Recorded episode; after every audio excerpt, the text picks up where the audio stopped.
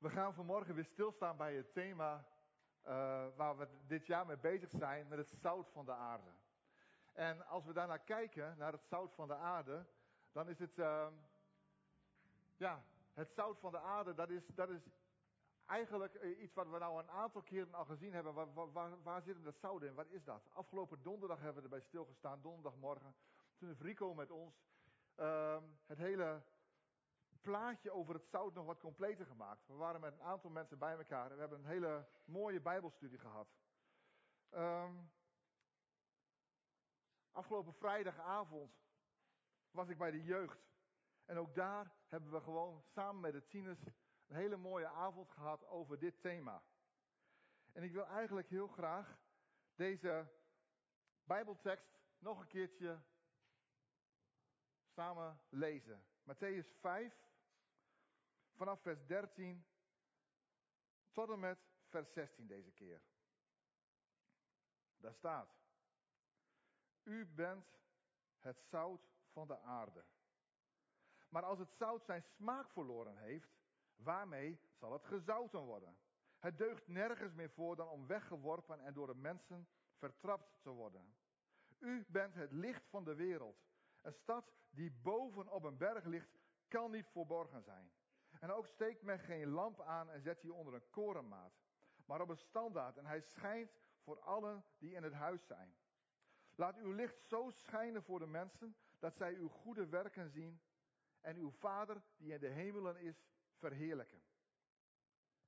Nou, eigenlijk kun je hier zien dat de Heer Jezus op twee verschillende manieren um, ons meeneemt doet de Heer Jezus veel vaker. Hij is, uh, in Lucas 15 zie je gewoon een heel aantal gelijkenissen over het koninkrijk. Staat het koninkrijk der hemelen is vergelijkbaar met. En dan komt er weer iets, en dan komt er weer iets, en dan komt er weer iets. En dan laat je het ons van verschillende kanten zien. En zo is dit ook. Dit, dit gaat over het zout en daarna gaat het over het licht. Maar eigenlijk gaat het over hetzelfde. Alleen, ja, er komen een aantal andere uh, uh, ja, invalshoeken bij. En als het over het licht gaat, dan moeten we eens kijken naar wat het licht is, wat ermee bedoeld wordt. Ik begin er even mee om te zeggen, ik had, eh, toen, ik, toen ik tiener was, toen had ik een hobby. En ik was fotograaf. Ik uh, fotografeerde met zwart-wit foto's en ik had een doka.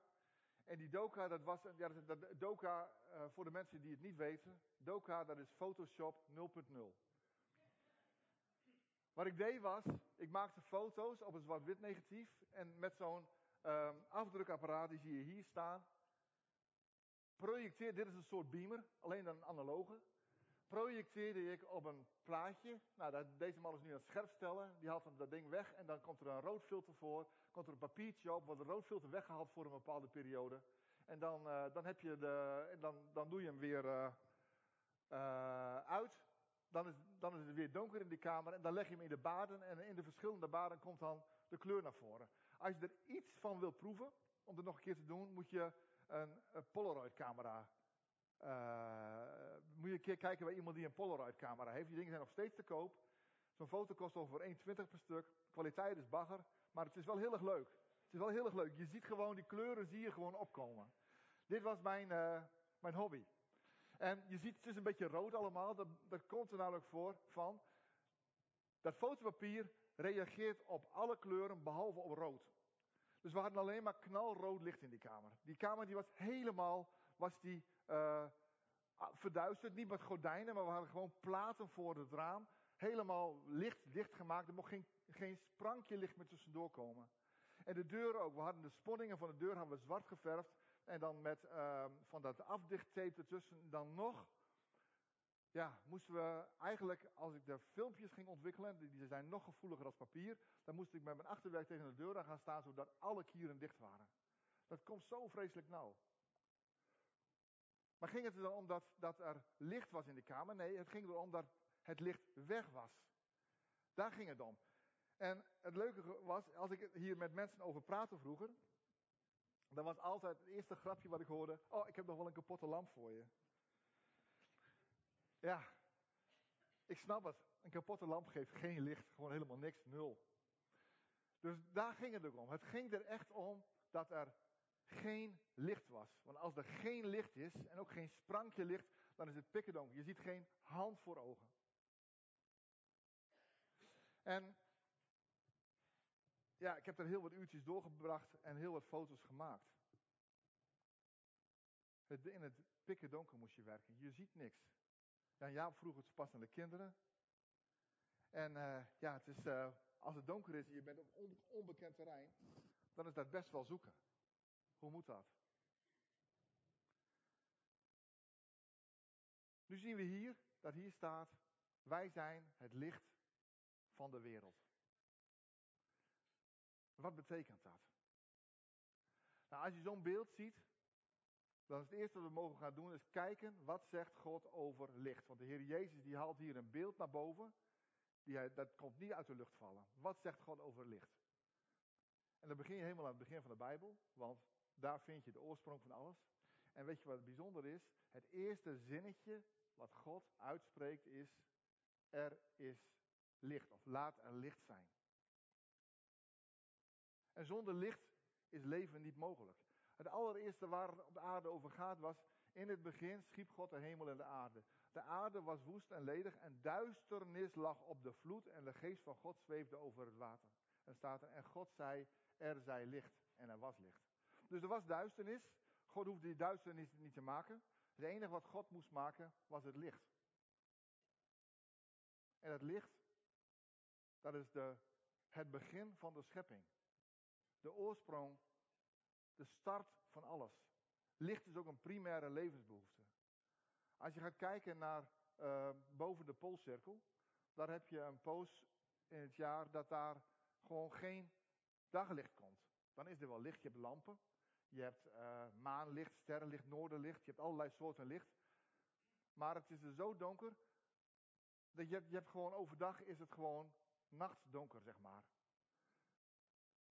En dan hou je een paar maanden vol. En dan komt er gelukkig weer licht. Want mensen die gaan daar, die, die, die doen het daar niet op. Het, het lukt gewoon. Voor heel veel mensen is het gewoon niet te doen om daar te wonen. Omdat het daar gewoon te lang donker is. Dus licht is een primaire levensbehoefte. Licht is nodig zodat het gras kan groeien. Licht is nodig zodat de bomen, de blaadjes zuurstof gaan geven aan ons. Licht is nodig zodat de algen en de oceaan zuurstof produceren, zodat wij kunnen ademhalen. Licht is nodig, is een primaire levensbehoefte.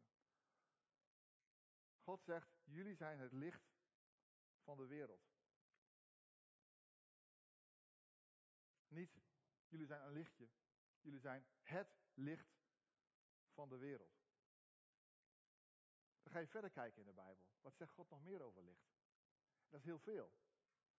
Als je in Exodus, Leviticus, Numeri, Deuteronomium kijkt, en de, ja, eigenlijk de eerste vijf boeken na Genesis, of de, de vier boeken na Genesis, dan zie je de uittocht uit Egypte. En daar heeft licht ook een hele cruciale functie. Er is namelijk de aanwezigheid van God, wordt gemarkeerd door een vuurkolom, die licht geeft in de nacht. Gods aanwezigheid is dus daar licht. Gaan we verder kijken. Dan zie je een aantal patronen in het boek Esther. Zie je bijvoorbeeld dat licht elke keer geassocieerd wordt met feest. In het boek Job zie je ook een heleboel, uh, heel vaak komt, komt licht in het boek Job naar voren. En elke keer als je in het boek Job licht ziet, dan gaat het of over leven, of over zegen, of over Gods aanwezigheid. Super positief. En als daar, niet, als daar duisternis staat, dan wordt het tegengedeelte, tegengestelde bedoeld. En dat is het ontbreken van licht, is dat hè? Het is niet zo dat iemand donker schijnt. Ik had, dacht bij mezelf, ik kan een grote tas vol duisternis meenemen en die kan ik hier loslaten en dan wordt het hier donker. Maar dat werkt niet zo. Dat werkt niet zo. Als het staat over duisternis, over het ontbreken van licht, dan wordt het tegenovergestelde bedoeld. Dan wordt bedoeld vloek, afwezigheid van God, afwezigheid van liefde, afwezigheid van het goede in het algemeen. In de psalmen wordt ook heel veel gesproken over licht. Gaat het over Gods heiligheid, Gods aanwezigheid, Gods woord, leven. In Jesaja, in het Bijbelboek Jesaja, komt het woord licht ook heel veel voor. En dan gaat het over uh, genezing. Ook over Gods aanwezigheid. Maar ook heel nadrukkelijk over de Messias. De komende Christus die wordt daarmee aangeduid. Die wordt aangeduid als het licht. Nou, in het Oude Testament, ik heb er nu even een greep uitgedaan, want je ziet de prediker zie je nog heel veel staan. En eigenlijk alle profeten zeggen wel iets over het licht. En het is heel duidelijk wat daarmee bedoeld wordt. Eigenlijk is het licht is Gods aanwezigheid, Gods zegen, Gods liefde, Gods vrede. Alles wat van God komt, alles wat goed is, wordt aangeduid met licht. En dan kijken we het Nieuwe Testament. En in het Nieuwe Testament is het heel opvallend dat in de evangeliën het licht de betekenis heeft van Jezus Christus zelf. Jezus zegt, ik ben het licht van de wereld. Dat zegt hij. In Johannes 1 wordt hij een aantal keren als licht aangeduid. En een tweede betekenis die we in het Nieuwe Testament heel duidelijk zien als het gaat over licht, is liefde. Als je in de eerste Johannesbrief kijkt, dan wordt, er, wordt die link een aantal keren gelegd. Liefde. En dat is de liefde naar God toe, tussen ons en God, maar ook de liefde onderling. Dat is licht. En dan zegt de Heer Jezus, jullie zijn het licht van de wereld. Nou, dat drukt er dan een beetje zwaar op. Als wij daar allemaal moeten zijn, als wij Gods aanwezigheid, Gods zegen, Gods liefde, als wij daar allemaal moeten zijn, dat is een zware last. En dit staat in de bergreden. En de bergreden wordt wel genoemd Mozes in het kwadraat. In het Oude Testament heb je allemaal wetten die door Mozes aan het volk worden verteld, doorgegeven van God. Maar de Heer Jezus zegt, u hebt gehoord dat tot de oude gezegd is, en dan zegt hij iets, dan zegt hij, maar dan zegt hij achteraan, maar ik zeg u. En dan wordt het nog even scherper neergezet. Niet anders, maar even scherper, even duidelijker, even zwart-witter. En dat staat een aantal keren in de bergreden. En daar midden tussenin staat, u bent het licht van de wereld. U bent het licht van de wereld. En dan staat er het laatste, laat uw licht zo schijnen voor de mensen, dat zij uw goede werken zien en uw Vader, die in de hemelen is, verheerlijken. Maar hoe doen we dat dan? Hier staat niet, jullie moeten het licht van de wereld zijn. Hier staat, jullie zijn het licht van de wereld.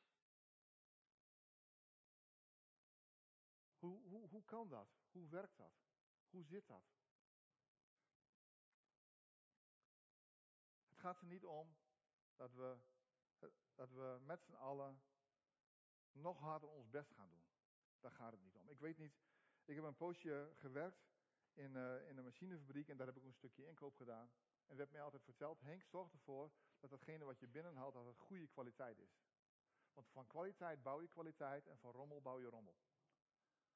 De Heer Jezus zegt ook, wie wind zaait zal storm oogsten. Garbage in, garbage out. Dat zijn ook van die kreten, dat weet iedereen. Het gaat erom wat erin komt.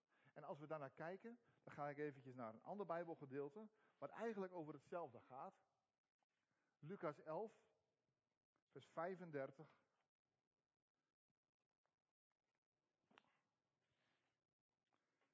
Lucas 11, vanaf vers 35. Uh, vanaf vers 33 tot 35. Daar staat: Niemand die een lamp aansteekt, zet die in het verborgene. En ook niet onder een korenmaat, maar op de standaard, opdat zij die binnenkomen het licht kunnen zien. Hé, hey, dat komt ons bekend voor. Zo pas zei de Heer Jezus, u bent het licht van de wereld. Eerst zei hij, een stad die op een berg ligt kan niet verborgen zijn. Oftewel, als je hoog bent, als je, als je ergens bent, dan ben je zichtbaar. Uh, een stad op een berg geeft niet per se licht, maar dat is wel, uh, die is wel zichtbaar. Dus op het moment dat wij op een opvallende plaats zijn, en wij zijn in deze wereld blijkbaar op een opvallende plaats, zijn wij zichtbaar. En dan het tweede wat er staat is, niemand pakt een lamp en zet die onder een korenmaat. Een korenmaat is ongeveer zo groot als een emmer. 8,75 liter, is ietsje kleiner dan een normale emmer, die zijn 10 liter meestal. Maar als je een olielamp onder een emmer zet, dan gebeurt er één ding onherroepelijk, namelijk dat je het licht niet meer ziet. Dus dan helpt je niks meer. Dan kun je schijnen wat je wilt, maar het helpt geen moer. Het tweede is, waarschijnlijk gaat hij uit. Want hij gebruikt namelijk het zuurstof. Als zuurstof op is, gaat het vlammetje uit. Dus Dat zijn twee dingen die, daar, die daarbij horen. Niemand die een lamp aansteekt, zet die in het verborgene en ook niet onder de korenmaat, maar op de standaard, opdat zij die binnenkomen het licht kunnen zien. En dan gaat, gaat deze tekst hier verder. De lamp van het lichaam is het oog. Wanneer dan uw oog oprecht is, is ook heel uw lichaam verlicht. Maar als het kwaadaardig is, is ook heel uw lichaam duister. Zie er dus op toe dat het licht dat in u is, geen duisternis is. Hier zien we als het ware wat er achter de coulissen gebeurt. Voor de coulissen zien we dat wij licht verspreiden. Dat is de voorkant. Maar wat je hier ziet is de achterkant van hetzelfde. En waarom is het hetzelfde? Omdat hier diezelfde tekst staat. De Heer Jezus die, die vertelt hier hetzelfde. En hij zegt erbij dat. Um, kijk hoe dat hier precies staat. Ja, de lamp van het lichaam is het oog. Nou, dat is een, beetje een, een, beeld wat, waar wij niet echt heel veel mee kunnen. Want een, lamp, een oog geeft geen licht. Dat is een beetje. Maar het is het, het, idee. Ja, ik weet niet. Sommige vertalingen, nee, sommige commentaren die zeggen hierbij. Het beeld dat men toen had was dat het oog licht uitstond en het weer terugkreeg. Dat is een hele oude verklaring. En die verklaring moeten we misschien ook achter ons laten. Maar wat ik hier wel zie is dat hier gesproken wordt over het oog. En met het oog zie je. En met het oog kun je dus blijkbaar onzuiver zien. En dan is de vraag, wat laat je binnenkomen? En dat is wat er achter de coulissen gebeurt. Wat laat je binnenkomen? Laat je het goede van God binnenkomen? Of laat je, het, laat je de leugen binnenkomen? Nou, Jaap had het zo pas over heiliging. Het gaat erom dat wij dat binnen laten komen wat van God is. En Jezus is genoeg voor ons. Klinkt misschien heel simpel zoals ik het zeg, maar Hij is genoeg voor ons. Ik had op een gegeven moment de, als gewoonte dat ik s'avonds uh, ging kijken naar NCIS. En, dat was, en, en uh, New York Police Special Victim Units. Dat zijn, uh, dat zijn een aantal uh, politieseries die ik ja, eigenlijk volgde. En als ik elke avond één keek, zoveel waren er wel op, dan had ik bijna elke avond had ik, iets leuks om te kijken.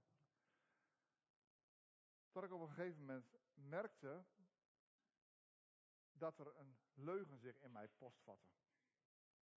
En die leugen was, ik keek ook wel eens naar opsporing verzocht. Dat ik bij mezelf dacht van, uh, als er weer iemand doodgeschoten was of wat dan ook, dat ik het eigenlijk heel gewoon begon te vinden. Heel normaal begon te vinden. Want ik zag elke avond zag ik namelijk mensen die doodgeschoten werden. En dat was goed dat ze doodgeschoten werden, want het was de vijand. En als er een keer zo'n agent geraakt werd, dan was je daar boos om, want het was geen, was geen vijand. En dat werd helemaal gewoon. Het, eigenlijk, datgene wat God niet bedoeld had, werd heel gewoon voor mij. Ik weet nog dat de eerste keer dat ik uh, op de televisie een film zag waarin mensen gedood werden, die weet ik nog heel goed. Het was met Chuck Norris was dat. Het was een, ja, ik vond het een hele stoere film, maar ik zag mensen dood en ik heb er een week mee rondgelopen. Zo erg vond ik het. En bij, toen als ik NCIS gekeken had, ging ik gewoon op bed liggen. Ik dacht er niet meer aan. Ik wist niet eens meer wat het verhaal over ging. Maar ik vermaakte me er prima mee. Toen dacht ik bij mezelf, ik wil niet dat dit gewoon is.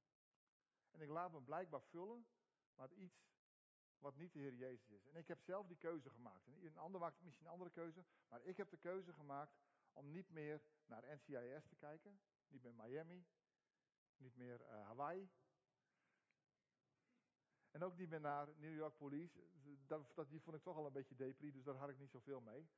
Dus die was niet zo moeilijk. Maar die andere twee, dat vond ik wel heel jammer. Want ik vond het eigenlijk wel heel, heel erg leuk om naar te kijken. Maar ik heb ervoor gekozen om dat niet meer te doen. Want ik wil namelijk gevuld worden met kwaliteit van God. Zodat ik kwaliteit van God vanzelf uitstraal. Dat is het lichtgeven wat ik bedoel.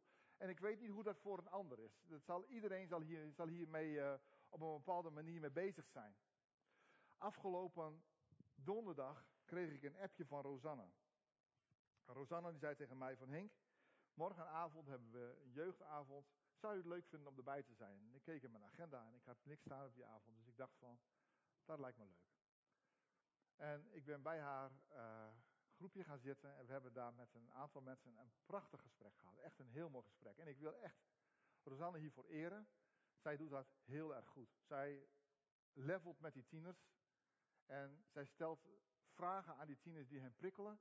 En krijgt, ja, het gaat heel goed. En we hebben daar een prachtig gesprek gehad. Ging over het zout van de aarde. En een van de vragen was die in haar materiaal stond, was van, uh, hoe kun je zout zijn? Nou, er kwamen van allerlei reacties. Je kunt goede dingen geven aan mensen. Je kunt goede dingen doen voor mensen. Je kunt uh, aardig zijn tegen mensen. Je kunt mensen helpen. Zo kun je op de, heel veel manieren kun je het zout zijn. Toen, toen zei Rosanne op een gegeven moment, ja, ik zou eigenlijk wel eens minder willen roddelen. Want als ik, als ik over mensen ga praten, dan, dan merk ik aan mezelf dat ik, dat ik dan echt lelijk over ze doe. En dat wil ik niet. Wie herkent dat? Alle handjes gingen omhoog. Als ik hier nou kijk, wie van jullie herkent dat roddelen schadelijk is? Oké, dat is een algemeen beeld. Iedereen herkent dat. Toen zei ze van, ik ga de komende twee weken, want over twee weken is er weer een serieuze jeugdavond. Ik ga de komende twee weken ga ik gewoon minder roddelen, zei ze. Vond ik heel leuk. Ik denk, ik, ik zou eigenlijk willen stoppen met roddelen. Maar goed, dat is wat anders. En um, toen heeft ze gevraagd aan die tieners, en wie van jullie wil dat ook? En ze staken hun handen op. Zij wilden ook stoppen met roddelen. Toen heb ik hun een verhaal verteld, want ik vond dat heel indrukwekkend namelijk.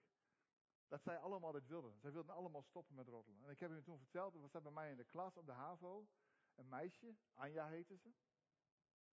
En op een gegeven moment zei iemand tegen mij, is het jou wel eens opgevallen dat Anja nooit negatief praat over andere mensen? En uh, het was mij nog nooit opgevallen, maar vanaf dat moment viel het mij op. Dat is 40 jaar geleden. Het heeft zo'n indruk op, op, mij gemaakt dat ik het gewoon, ik weet nog wie Anja is. En ik waardeer het nog steeds. Dat is indrukwekkend. Niet als je over mensen begint te praten, dat is niet indrukwekkend. Maar wel als je het voor me krijgt om dat niet te doen. En dat is, het is een keuze. Ik weet nog dat wij in Groningen woonden. En toen heb ik op een gegeven moment ook een keuze gemaakt. Ik ga niet roddelen. Nou, dat vond ik een hele lastige, want ik deed het best wel veel. En toen zaten we op een gegeven moment als, als staf van de kerk bij elkaar. En een van de broeders die ging naar buiten, die pakte zijn auto en die moest eerder weg. En ik liep even mee, want we moesten nog even wat, uh, ik weet niet meer waarom, ik liep mee in ieder geval.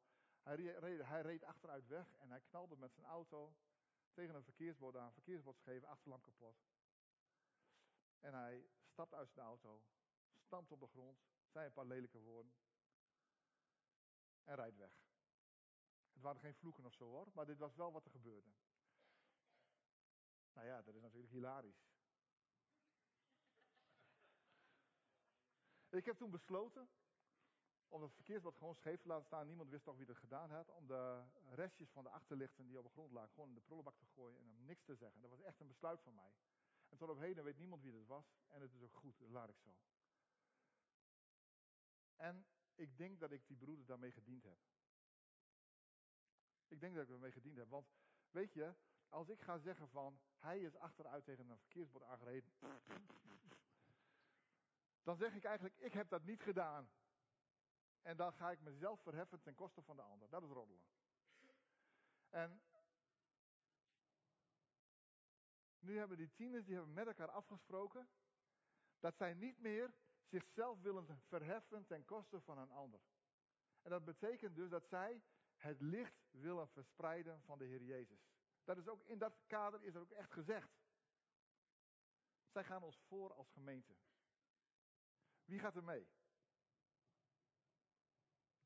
Geweldig. Als we hier met 150 man zitten. Stel je voor dat we hier met 150 man zitten. Dan betekent dat, en we gaan deze komende week allemaal één verhaal niet vertellen die anders al wel zouden vertellen. Dan gaan er 150 negatieve berichten minder de wereld in. En dat is licht. En zo concreet kan het zijn.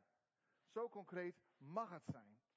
Weet je, roddel maakt heel veel kapot. En tegen roddel is geen kruid gewassen. Want als er geroddeld is, dan is het leed al geschied. Waar rook is, is vuur, is zo'n uitspraak. En je hoeft maar even iets lelijks over iemand te zeggen. En de ander die, die pikt het op en het blijft hangen. En je kijkt nooit meer op dezelfde manier naar die persoon. Dat is wat roddel doet. Ehm, het gaat er hier om, hoe zuiver is je oog? Wat laat je binnenkomen? Laat je dat ook binnenkomen. Er was een Griekse wijsgeer, zeker de Socrates. En die heeft uh, op een gegeven moment liep hij, uh, liep hij uh, op, het universiteitsterrein, of weet ik veel waar hij, bij zijn opleidingsinstelling waar hij liep. Toen kwam er iemand naar hem toe en die zei van, ik wil je wat vertellen over een van je studenten. En zei hij, stop.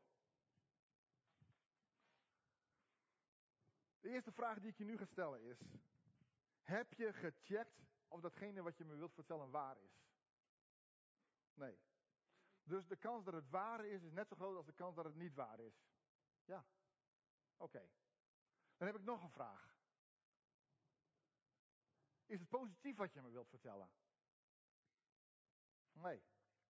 Het is niet positief. Oh. En is het nodig wat je me wilt vertellen? Het zou best kunnen dat je iets vertelt wat je vermoedt en wat niet positief is. En dat het wel nodig is dat je het vertelt. Bijvoorbeeld, iemand zegt tegen mij van, uh, mag ik je auto lenen? Ja, mijn auto die wordt best wel regelmatig door mensen geleend, vind ik helemaal geen probleem. Maar als er iemand bij mij komt en, er en daarvan weet ik dat hij, of daarvan gaat het verhaal dat hij elke week een auto in puin rijdt, dan sta ik het wel een beetje anders in. Dus dan is het gewoon een vermoeden, waardoor ik wellicht een ander antwoord ga geven.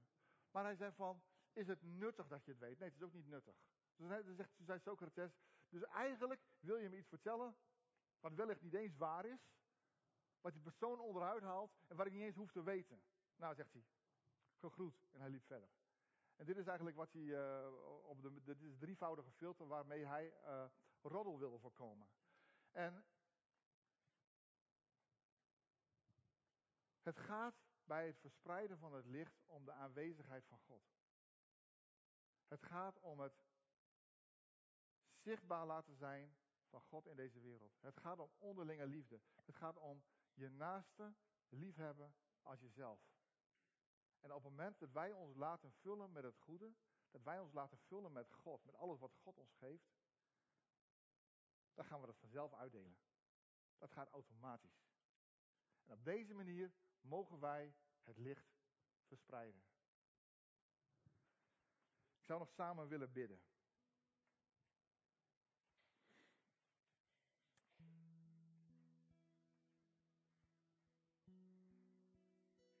Heere God.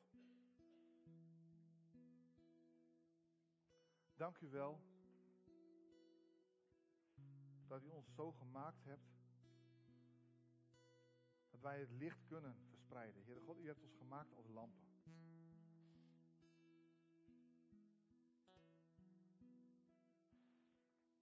Heere God, voed ons met de goede lampenolie.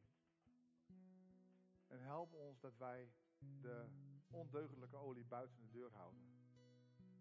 Laat ons aangesloten zijn op U, Heere God. En help ons om niet bang te zijn om het licht te laten schijnen. We hebben het zo pas over gehad dat we willen stoppen met roddelen in navolging van de tieners. En we bidden nu, Heere God, help ons om ons dat te herinneren. Ook als we straks naar huis gaan en we bij elkaar aan tafel zitten met een bakje koffie. Help ons, Heere God, dat we dan niet commentaar gaan geven op mensen die er toch niet bij zijn. Wijs ons hier in uw weg. Want Heer, dit is uw eeuwige weg. Heere God, dank u wel dat u ons zo gemaakt hebt dat we het licht kunnen verspreiden. U bent goed, u bent heilig. En u hebt tegen ons gezegd, wees heilig, want ik ben heilig. Heere God, zo mogen we naar u toe groeien. En dank u wel voor uw Zoon Jezus Christus, door wie dit mogelijk is. Dank u wel dat Hij ons heilig gemaakt heeft door zijn lijdende sterven. Halleluja.